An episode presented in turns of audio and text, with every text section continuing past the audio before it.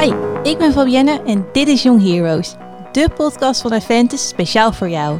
Iedere aflevering stellen Iris Bas en ik de vragen en vertelt de student zijn of haar persoonlijke verhaal. Onze jonge helden zijn eerlijk, openhartig en neem je mee in een gebeurtenis of situatie die hun leven heeft beïnvloed en vaak veranderd. Hoe gingen ze hiermee om? Wie stond er voor ze klaar? En welke les hebben ze hiervan geleerd? Check snel Young Heroes. Young In de eerste Young Heroes praten we over 4 januari 2018. Een super belangrijke dag voor onze gast. Hij had op deze dag namelijk zijn coming out. De grootste verandering van zijn leven. Nu bruist hij van energie, maakt zich sterk voor jonge MBO'ers en heeft ambitie. Is hij ooit misschien minister-president? Dit is Brendan Brom. Het gesprek met Brennan hadden we een jaartje geleden. Aan het eind van de aflevering maken we dan ook een tijdsprong en checken we even hoe het nu met hem gaat. Laten we beginnen. Dit is de eerste Young Heroes over coming out. Young Heroes. Hey, dankjewel Iris. Liefst. En eh, Iris, we zijn hier niet alleen. Nee, We zijn hier met nog eh, twee andere mensen. Eentje is al genoemd, Brendan. Ja. Maar last but not least, Fabienne, welkom. Ja, dankjewel. Jij bent er ook. En we gaan eh, in gesprek met jou, eh, Brendan. Ja, Ja, als je deze, dit portretje zo hoort. daar geweldig. Ja? Ik had die beter kunnen zeggen. Ah, Oké. Er- mist er iets? Of, eh, Nee, eigenlijk alles is kort samengevat. Perfect. dus dit is de goede beschrijving van jou Ja. als persoon. Zeker dat drukken. Ja, ja? Hey, en dat, en dat, daar komen we nog wel even op hoor, dat minister-president. Dat is wel iets wat mij eh triggert. Daar ben, je, daar ben je ook heel duidelijk over, hè? Ja, het kan gewoon anders. Oké. En ik heb natuurlijk wel mijn eigen, mijn mijn eigen visie ergens op, mijn eigen mening. En ook door de ervaringen en ook gewoon de verhalen van andere mensen weet ik gewoon van oké, het kan anders. Ja. En ja, waarom zullen we het dan niet proberen? Zouden, zouden jullie minister-president willen worden, Iris? Of Fabienne, of allebei? Samen? Nou, als ik het dan zou doen, dan misschien wel samen, ja. Want ik weet niet of ik over elke beslissing zo eh, de juiste keuze zou kunnen maken. Maar op zich lijkt het me wel wat. Want ik vind ook dat er heel veel anders kan. Maar ik zou liever een soort van adviseur worden dan echt minister-president eh herself. meer op de achtergrond. Precies, ja. Ah, ja. ja. Ja, je mag mijn adviseur wel worden. hoor. Oh, dat Ah, lijkt me wel leuk. Dat lijkt me wel We leuk. hebben de eerste Ja. co- coalitie hebben we al, zeg maar. hey, eh, Brendan. Ja. eh, in de portret of in de bio werd ook even gesproken over een datum, hè? 4 januari 2018. Ik denk dat heel veel mensen natuurlijk nu nieuwsgierig zijn van... hey, wat is er op die dag gebeurd? Kun je ons meenemen naar twee jaar terug? Ja, eh, ik was die dag eh, naar een vriend toe gegaan in Den Haag. Eh, heel leuk gehad. En ik moest s'avonds weer terug naar mijn ouders, naar huis. Dus vanuit Den Haag naar Apeldoorn, nou, dat is een treinrit van ongeveer een uur en een kwartier. En nou ja, ik was eigenlijk aan het daten met die vriend. En toen zat ik me gewoon in de kast. Niemand wist ergens van. En ik zat in de trein. Noemen ze dat ook zo, in de kast? Ja, nou, ik was nog niet uit de kast gekomen in ieder Oké. geval.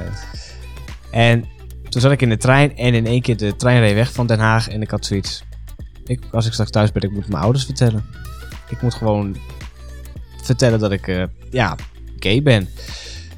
Dus het is voor mij echt de allerlangste treinrit eh, ooit geweest. Zeg jij altijd gay? Eh, ik, toen ik eh, uit de kast kwam, heb ik altijd gezegd biseksueel. Ja. Maar de laatste jaar noem ik me eigenlijk gewoon echt alleen gay. Waarom biseksueel? Om toch nog een beetje minder die lading of zo eraan te geven? Of... Als je biseksueel tegen iemand zegt, klinkt het van, oh, oké, nou dat kan beide nog, dat is minder zwaar. Als je gay zegt, hebben mensen meteen zo oordeel eraan vast.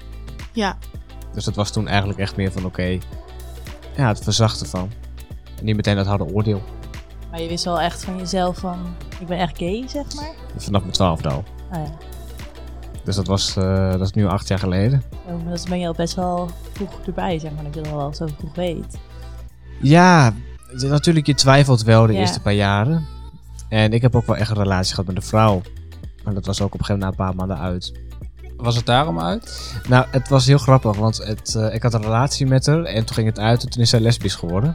ah, kijk. Dus- nou, dat kan ook nog. Kijk. Liever heb je het gewoon eigenlijk niet dat je het bent. Ja, dat, dat puzzelt mij wel als je dat zo zegt. Betekent dat dat je nog steeds Nu niet meer. er moeite mee hebt? Of is dat, bedoelde je op dat moment? Op dat moment had Ja, ik wel echt moeite mee. Want je Ja. hebt natuurlijk dat maatschappelijk beeld dat iedereen wil altijd... eh, ja, doe maar normaal, dan ben je al gek genoeg, zeggen ze eigenlijk altijd. En ja, het normale beeld in Nederland is gewoon nog steeds, en eigenlijk overal in de wereld, van joh, een man en een vrouw wordt samen joh, kinderen te krijgen. En als je daarvan afwijkt, ben je abnormaal.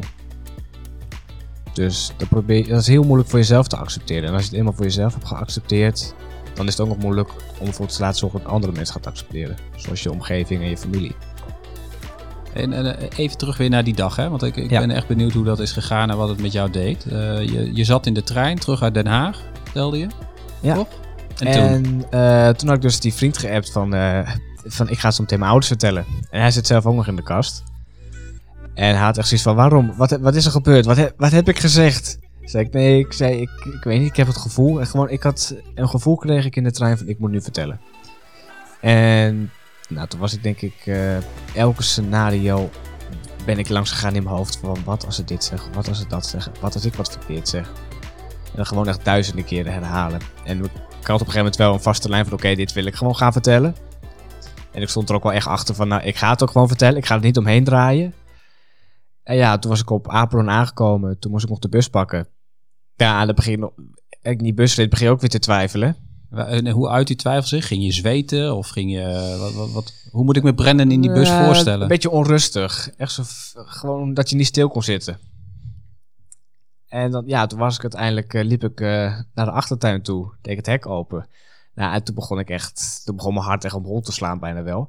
Dat ik echt denk, oh mijn hemel, over een minuut weten ze het gewoon. Je wist wel zeker dat je ouders thuis waren? Ja, want ik Ja. was ook geappt van, zijn jullie thuis? Zei ze ja. En nou, toen deed, kwam ik de deur binnen en toen vroeg mijn moeder meteen, en hoe was het? Toen zei ik, leuk. En ik zet mijn tas neer en ik zei, maar ik moet jullie wel wat vertellen. Dus nou, mijn moeder en vader gingen meteen rechtop in de stoel zitten. En ik zei, ik weet het al heel lang van mezelf. eh, maar ik weet ook dat jullie het weten, maar ik ben biseksueel, zei ik. Nou, het eerste wat mijn moeder zei van, goh, ben je eigenlijk zelf achter? Ah, oké. dus, dus toen moest ik wel lachen. Dus dat verlichtte gelukkig wel de sfeer. En mijn vader zei ook van, joh, dat geeft tot niet. Het is alleen maar mooi dat je het nu ook zelf weet. En daar hebben we heel kort over gepraat. Was dit een scenario wat je in je hoofd in de trein en in de bus ook had? Dat ze zo zouden reageren? Ik wist eigenlijk al wel dat ze goed zouden reageren.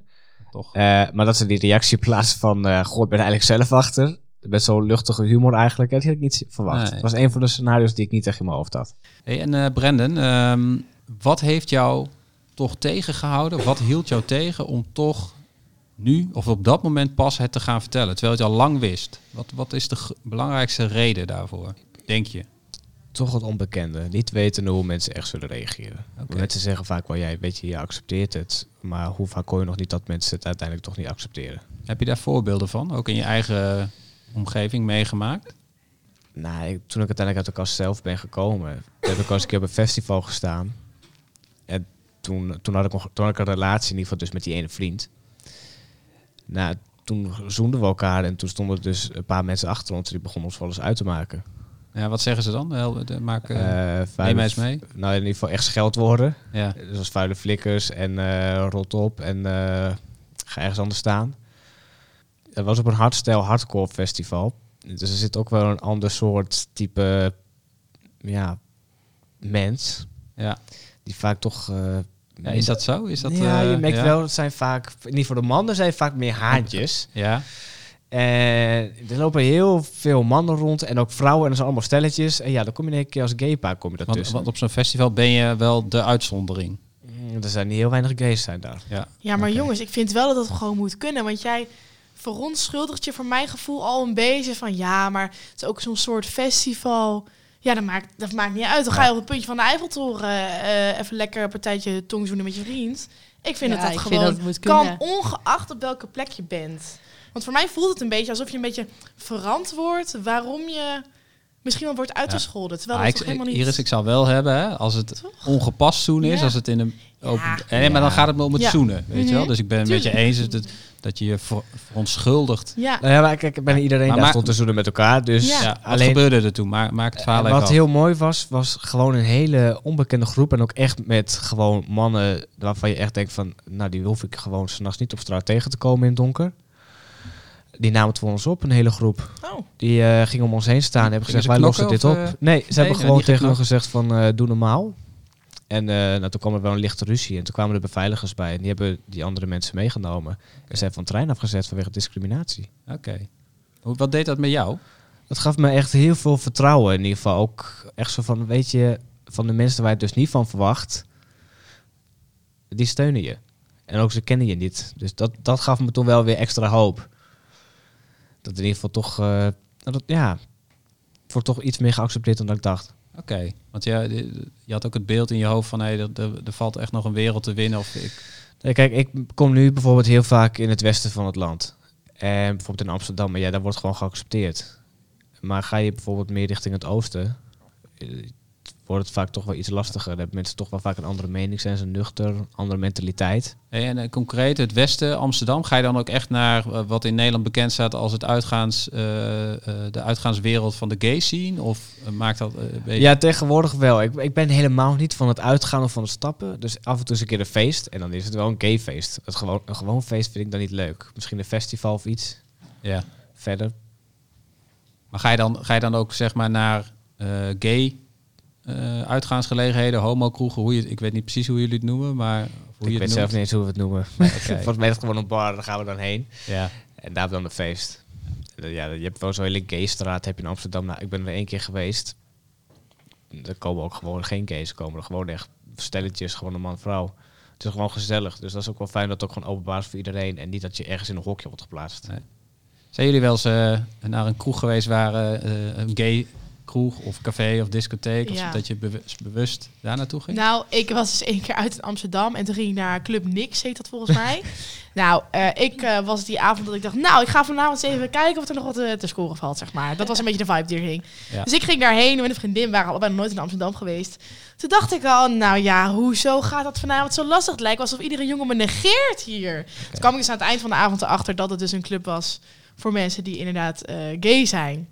Dus ik wist het niet van tevoren. De jongens hadden geen interesse. Nee. En de meiden die nou, daar waren? dat eh, misschien wel een beetje. Want een paar keer dacht ik wel van... oh, zij komt heel random naar me toe. Wat, eh, wat is er aan de hand? Maar het is natuurlijk een beetje gek. Want ik ben niet gay. Dus dan denk ik daar ook niet over na of zo. Oké.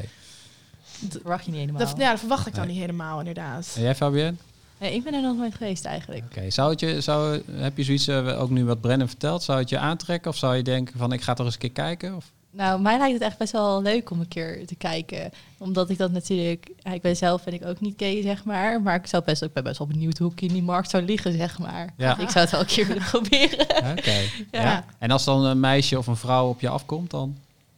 Nou ja, misschien dat ik daar wel eventjes mee zou gaan flirten, ja. Ah, dat denk ik wel. Oeh. Dus je bent er wel open-minded voor? Ik ben er wel open-minded voor. En ik denk ook wel dat ik het ook wel zo ver zou laten komen... om bijvoorbeeld even met haar te zoenen of zo. Maar daar zou ik het dan wel bij laten. Ja, oké. Voor de rest zou ik niet, Ja. niet verder gaan daarin. Ja. Ja. Dus het is, het is wel iets waar je over hebt nagedacht, zeg maar. en ik heb Ja. ook wel eens met meisjes gezoend, dat wel. Ja. Maar daar blijft het voor mij altijd wel bij. Ik krijg zeg maar geen gevoelens voor vrouwen, dat niet. Nee. Gewoon voor de fun, gezelligheid. Ja, leuk, eigenlijk wel, ja. even gek. Ja, Ja. Hey, en eh Brendan, ehm, wat is nou de meest verrassende reactie geweest die, die, eh, die je hebt gekregen na je coming out? Poeh, de meest verrassende. Eh, nou, mensen zijn dan eigenlijk toch altijd heel nieuwsgierig hoe dat gaat met een man. Dat is echt de meest gestelde vraag. Van hoe heb je dan seks met elkaar? Dat is echt. Oh, echt? Vragen mensen dat is gewoon echt, aan ja, je? Ja, maar goed, ik ben ook heel open en eh, eerlijk over. ja, je kan aan mijn vraag, je precies. krijgt ook letterlijk eh, gewoon ja, echt ik eh, de best details krijg je als je wil. vind ik ook best wel persoonlijk Ja. eigenlijk. Dus dat je Ja, ja. zegt van, hé, hey, ehm, ik ben gay. En dat mensen dan op een gegeven moment zeggen, oké. Maar eh, hoe heb je seks dan? Dat ik denk van, ja. Ja, ja, kijk, het is natuurlijk, mensen kennen het stereotype, kennen ze ervan. Ja. Gay zijn. Terwijl er nog heel veel andere types zijn. Mhm. En daarom Help mij, help mij even, wat bedoel je? Nou, stereotype gay is vaak denken mensen, nou, het is een man die is wat vrouwelijker. eh, en iedereen denkt ook dat je, ja, bij een, op een gay pride op een boot staat met een vlaggetje te zwaaien. Terwijl je ook gewoon Ja. mannen hebt die je gewoon in het dagelijks leven ziet, waarvan je denkt van, eh, nou. Ja. En die zijn gewoon gay. Dus het is niet, eh, dat is echt zo'n stereotype. Ja, het beeld van de gay Ja. pride met... eh, maar maar ja. is er dan ook een stereotype wat mensen hebben van hoe twee homo's seks zouden moeten Ja, hebben? ja, ja, ja, ja, ja, dat is dat stereotype is het. Dat stereotype klopt echt voor geen meter. Nee? Nou, nu ben ik dan ook wel Ja, nieuwsgierig. nee, ja, nou, nou, goed, nou, iedereen- goed, ja. Iedereen denkt dus eh, dat als twee mannen wat met elkaar hebben, dat Ja. iedereen in elkaar Onbekende bellen. Oh, We hebben een bellen. ja. Hey, we hebben Brendan even een onderbreking, want eh, het is natuurlijk heel erg interessant. De telefoon Mhm. gaat. Want eh, jij hebt al aardig verteld eh, wie je bent, eh, waarom 4 januari 2018 zo belangrijk is eh, voor jou. Ik heb er een goed beeld bij. Ik heb ook een beeld van jou. Op dit moment. Ik heb ook een beeld van eh, wat jouw gevoelens en ervaringen op dat moment waren. Maar we vinden het natuurlijk ook heel interessant om eens van iemand te horen die dicht bij jou staat, je moeder, hoe het is om eh, zo'n boodschap te krijgen. Dus eh, klopt het dat ik mevrouw Brom aan de telefoon heb? Ja, dat klopt helemaal. Hallo, goedemiddag. Hallo. Heeft u iets van het gesprek kunnen volgen tot nu toe of dat niet? Nee, ik Nee. heb nog niks gehoord. Nou, dat is eigenlijk Nee. alleen maar leuk. We zitten met Brennan eh, gezellig te kletsen. En eh, Ja. Bre- Brennan heeft ons verteld waarom eh 4 januari 2018 zo belangrijk voor hem is eh, geweest. Ja, En eh, hij heeft ook verteld dat u daar een rol in heeft gehad hè, in die dag. Kunt u mij eens vertellen, Klopt. hoe, hoe is die dag voor u geweest en wat is er volgens u gebeurd? Eh, nou, Brennan die kwam thuis en die zei eh, tegen mijn man en mij van, eh, nou ga jullie maar even zitten, ik, eh, ik wil jullie wat vertellen. Wist u al toen en, wat hij ging nou, vertellen? we- nou, we hadden al wel een vermoeden. En dus we zijn gaan zitten en toen zei hij van, ja, ik, ik wil wat vertellen, ik ben biseksueel. En toen zeiden wij van, nou, goh, fijn dat je er zelf achter bent, want tien jaar geleden hebben wij het altijd al gezegd. Ah, oké. U was al Dus, tien eh, jaar, eh, eh, was voor u het plaatje al rond, zeg maar. Voor, voor ons was het al, al heel lang duidelijk, ja. Wat maakte dat het voor u zo duidelijk was? Ja, hij had bepaalde trekjes en ze doen en laten. En eh, ja, Geef eens een Eh, voorbeeld. Wat ja, is, ik, vaak- eh, ik ben wel even benieuwd. Wat, wat een trekje van Brendan is. eh, nou ja bijv- bijvoorbeeld bepaalde bewegingen met zijn handen. Dat ik Ah, denk van, ja oké. Dat doen eigenlijk, ja, eigenlijk, nou, biseksuele of homoseksuele mensen hebben dat soort trekjes. En nou, dat, dat viel ons eigenlijk altijd al op. En ja, ze doen en laten eigenlijk ook wel zijn interesses naar andere, eh, andere mensen. En u, en u Dus heeft voor ons was het eigenlijk al heel lang duidelijk. ja, en u heeft, u heeft toch hem de ruimte gegeven om het een keer te vertellen. U heeft niet in die tien jaar zelf een keer eh, met de vuist op tafel geslagen of Brendan geconfronteerd met het gevoel of het idee wat u, eh, wat u had. Nee, we hebben niet echt eh, eh, geconfronteerd, want we vonden dat het uit hem zelf moest komen. Maar we hebben wel regelmatig gevraagd van, goh, heb je geen leuke vriend of vriendin op school? Ah, En dan was het altijd van, oh, doe normaal. ja. En ik zei, ja, ja, je weet hoe wij erover denken. Het maakt voor ons niet uit met wie je thuis komt. Eh, het gaat erom dat jij gelukkig bent. En, ja, en of dat met een man of met een vrouw is, dat, dat maakt niet uit. Maar ja, als zij dat eh, aan me ja, elke keer zeiden van, eh, nou ja, is hij niet een leuke vriend of vriendin? Ja, dan werd hij af en toe een beetje boos. Van, eh, ja, op dat moment was hij er nog niet aan toe om het ons te vertellen. Maar we hebben wel altijd die deur voor hem opengezet.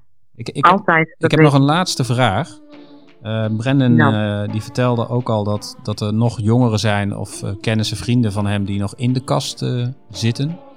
Ja. Ehm, onder andere omdat ze het niet durven te vertellen aan ouders die bijvoorbeeld vanuit de geloofsovertuiging eh eh, daartegen zijn. Wat, wat, wat is voor u het belangrijkste advies aan ouders die misschien hetzelfde gevoel hebben als wat u heeft?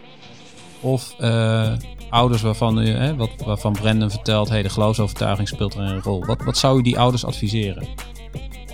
Gewoon luisteren naar je kind. En je, je kind verandert er niet door. En het maakt niet uit met wie ze thuiskomen. Eh ik zeg altijd, als mijn kind gelukkig is, dan ben ik er ook. En ja, luister gewoon naar je kind en zet de deur voor ze open. En je kind verandert daar niet door. Het, het zal altijd je kind blijven. En maar wees er open in. En dat praat veel makkelijker, zowel voor, voor het kind zelf als de ouder zijnde.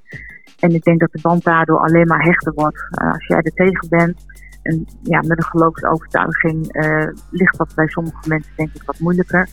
Maar ja, ik denk van sta achter je kind en dan is het voor het kind ook makkelijker. En wat de rest eromheen zegt, dat interesseert me niet. Het is mijn kind Ja. en die moet lekker doen wat hij zelf wil. Mag ik u heel hartelijk danken? Ja, En graag gedaan. eh, ik ga natuurlijk aan Brendan eh, zo dadelijk even vragen wat hij hiervan vond. Maar heel Ja. erg bedankt voor het, het inkijkje in uw gedachten en ervaringen met eh, de, het uit de kast komen van eh Brendan. Dankjewel. ja, oké, graag gedaan. Oké, Dankjewel. Doeg. Tot ziens. Dag. Als je dit zo hoort, Brendan. Schat is het toch? Ja? Ja, het is eigenlijk gewoon precies hetzelfde wat ik eigenlijk zei. gewoon echt zo'n goede band hebben ook. En ze begrijpt me ook. Ja. Dat is ook wel fijn. Grijp je ook een beetje aan, hè? Zie ik. Ja, wel een klein beetje. Ja. Een soort baken, een veilige plek waar je... Het is, eh, ik, ik heb het natuurlijk al heel vaak met haar over gehad. Het is ook alweer weer twee jaar geleden, dus de app ook wel op een gegeven moment weg. Maar het is wel echt iemand waar ik alles mee kan bespreken en die me ook overal steunt in alles wat ik doe. En als je, als je nou kijkt naar jouw ambitie, hè? Even, ik maak even een sprongetje, hè? want daar ben ik ook benieuwd naar. Je toekomst, hè? daar ben je ook al, nou, hier is het heel mooi, heel duidelijk over. Minister-president.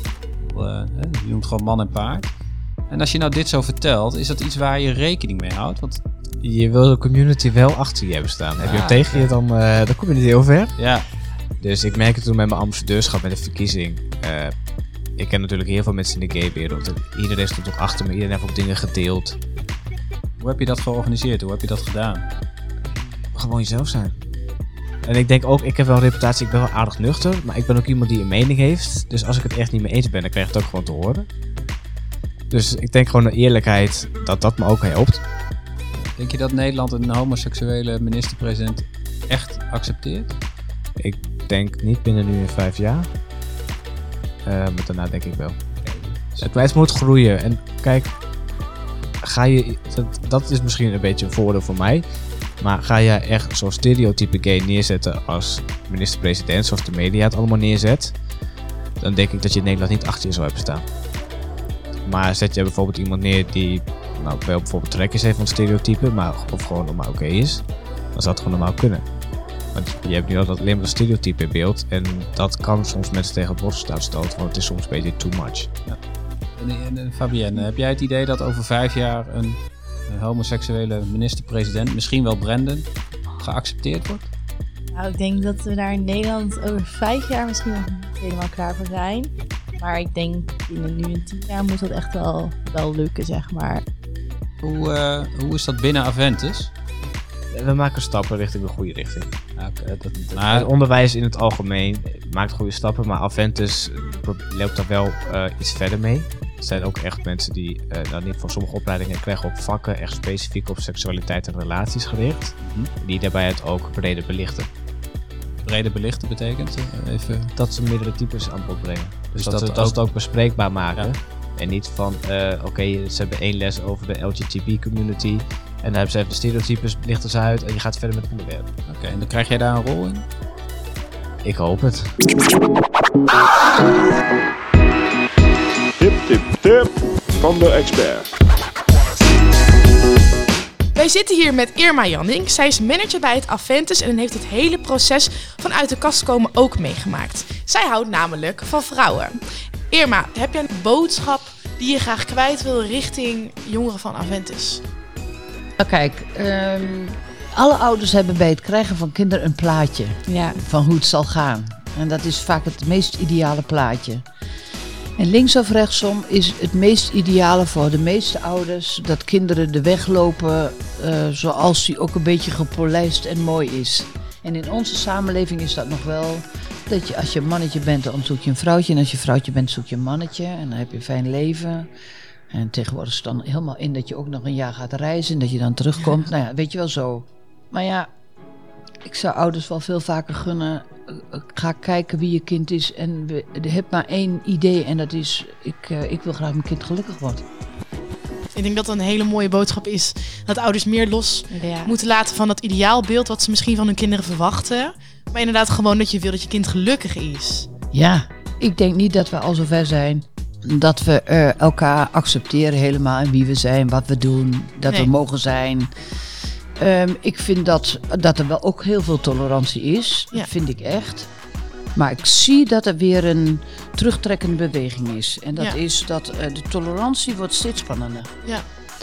En dat heeft wel te maken met, met andere maatschappelijke problematieken. En dan gaan we toch allemaal op ons eigen stuk weer zitten om te overleven. Dus de- een beetje die algemene spanning die er nu een beetje, een beetje heerst. Want zo voel ik dat. Alsof er nu in de tegenwoordig veel spanningen zijn. Gewoon met ziektes en oorlogen. Ik vind dat allemaal vrij opkomend weer. En dan merk je inderdaad wel dat iedereen echt vrij erg terugtrekt. Maar dan krijg je natuurlijk ook weer een stap terug in de algemene acceptatie. Ik kan Ja, me voorstellen ja. dat dat dan even een een flinke domper is, als het even kort Ja, de bocht Ik denk dat dat een. eh, het is, ik, het is dit is niet wetenschappelijk wat ik zeg, maar dit is werkelijk. Dit is echt mijn ervaring. Ja, Door de diversiteit, waar ik ontzettend van hou. Ja. Ik vind het geweldig dat de wereld, zoals de wereld eruit ziet, om me heen is. Ja. Ik hou van mensen waar ze ook maar vandaan komen. Maar het is wel zoeken naar hoe gaan we elkaar accepteren in wie we zijn. ja, En dat heb ik, ik heb daarin ook wel een aantal moeitepunten. Ik heb soms wel moeitepunten met geloven die mij uitzonderen, omdat ik niet meer mee mag doen om wie ik ben. ja. En, en mijn vriendin wordt daar helemaal boos en woest om en die zou weet ik veel wat. En ik kan daar wel naar kijken van, eh, ja, het ligt helemaal niet in mijn invloedssfeer om daar wat mee te doen. Dan wel, wanneer ik het tegenkom, te vertellen hoe ik erin zit. Maar dat is het dan ook. ja. En ja, mijn tip is wel, kijk of je een ontzettend leuke LTB'er hebt waar je dat mee kan bespreken. En als dat klikt en je denkt, ja, dit is toch wat me helemaal in de weg zit. Ik denk dat heel veel studenten moeite hebben om ook met de studie, wanneer je dit als last hebt. Hè? Mhm. Ik mag niet zijn wie ik ben, althans die overtuiging heb je zelf nog. Maar zie je dat echt als een last? Ehm, voor eh, eh, eh, uit de kast komen is een, is een soort van last. Ja, hoe, ga ik, ehm, hoe ga ik de last die ik moet dragen door te zeggen wie ik ben, afwijk van een ander, goedkeuring eigenlijk wil hebben. Ik hoop dat iedereen het oké vindt, maar dat is spannend, want dat gaat ook zeker niet gebeuren. Dat is een moment, echt een moment van last. Je draagt een last met je mee.